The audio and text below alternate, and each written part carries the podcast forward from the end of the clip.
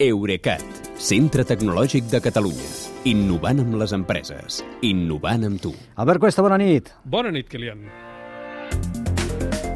El Parlament Europeu va aprovar just ahir prohibir la venda de cotxes i furgonetes nous amb motor de benzina o gasoil a partir de l'any 2035, que sembla lluny i està aquí mateix.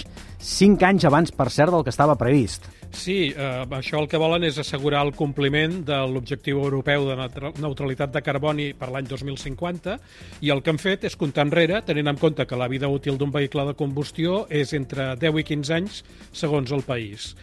Uh, aviam, per no espantar més del compte als oients, deixa'm aclarir que a partir del 2035 es continuarà admetent la compra-venda de vehicles de segona mà, però mm -hmm. no de nous. No nous. I, I de tota manera, la majoria de les marques ja han dit que deixaran de fabricar motors tèrmics abans del 2030 però també hem d'explicar que la prohibició aquesta també afectarà els cotxes híbrids i els híbrids endollables, que bàsicament són de combustió eh, la, tot, la norma l'hauran d'aprovar els 27 ministres de Medi Ambient amb la reunió que tenen prevista a finals de mes a Luxemburg.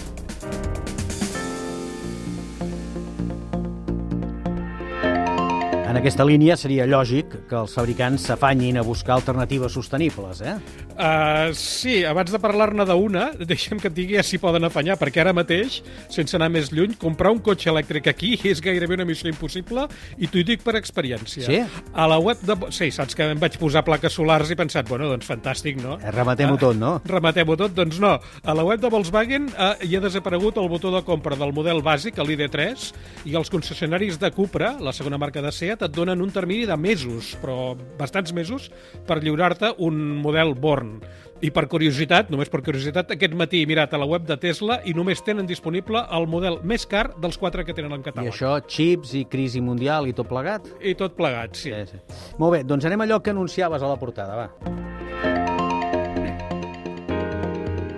Ens anunciaves, de fet, un experiment de vehicle sostenible que no és, i per això hem fet la broma de Superman, eh? no és ni un cotxe, que és allò, ni un cotxe, ni una furgoneta, propulsat seria per amoníac. Sí, aviam, sovint parlem de vehicles elèctrics lleugers, cotxes, furgonetes i tot això, però hi ha tot un altre segment de la mobilitat, que és l'industrial, que també importa molt. Per exemple, als Estats Units, els camions pesats i la maquinària agrícola generen més de la quarta part de les emissions causades per vehicles. I és d'aquí que la marca John Deere, que és aquella dels tractors de color verd i groc, hagi presentat un prototip on el motor dièsel ha estat substituït per un propulsor en el combustible és l'amoníac però no directament, sinó eh, com a aliment d'una cel·la de combustible que el que fa és generar hidrogen, o sigui que és un motor d'hidrogen. Eh, L'han creat la Universitat de Stony Brook i l'empresa Amogy, i que asseguren que fer servir amoníac en una granja és molt pràctic perquè es fa servir com a fertilitzant i també que l'invent aquest és més eficient que un motor d'hidrogen convencional. Ara, ara bé, també hi ha crítics que això ho neguen i a sobre recorden que manipular amoníac pot arribar a resultar perillós. Bé, sigui com sigui, haurem de seguir motors d'hidrogen amb amoníac de combustible, eh? Seria aquesta la idea, sí. Doncs ho seguirem, ho seguirem. Ens tocarà, no, no tenim més remei que seguir-ho tot ara, perquè no se sap cap on irà el futur. Moltes gràcies i molt bona nit i bon cap de setmana. Doncs bona nit, Kilian, fins dilluns. Eurecat, centre tecnològic de Catalunya. Innovant amb les empreses. Innovant amb tu.